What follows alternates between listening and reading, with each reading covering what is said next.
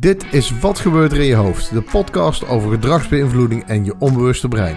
Met Tom de Bruyne, Bas Erlings en Klaas Zijkhoff. Dit valt niet meer binnen de marges van eh, korting krijgen omdat je er niet uitzag als een patser. Ja, maar er zijn ook mensen als Tom de Bruyne die dan onmiddellijk in handen wrijven en zeggen: hoe gaan we dit systeem uh, fucken?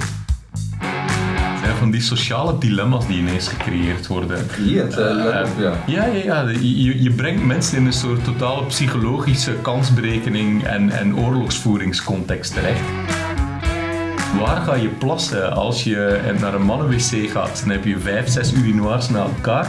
Welke plek ga je innemen? Want afhankelijk van hoe... Kijk, als je gewoon als één iemand totaal recht staat en jij gaat er meteen naast staan, dan signaleer je meteen iets heel awkwards. Van, je had ook daar kunnen staan, maar nu kom je naast mij. Wat is jouw probleem?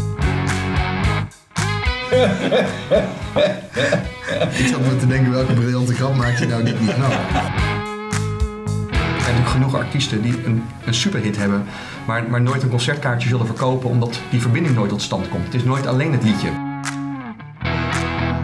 Wat de functie van een product of een persoon is in het leven van mensen, dat is vaak niet wat ze vertellen, maar wat het echt is. Een auto is niet alleen van A naar B rijden, een auto is ook een beetje laten zien wie je bent en waar je voor staat toch maar invoegen, want van zodra dat je iets te ver rijdt, vindt iedereen die daar staat jouw totale sociale loon. Maar die dachten ook, ja, misschien zijn het wel controleurs. Volgens de betrokken luisteraar die geen QR-code had, omdat ik een ambtenarenhoofd heb.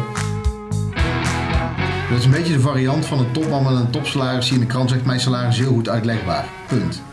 Doe dat dan.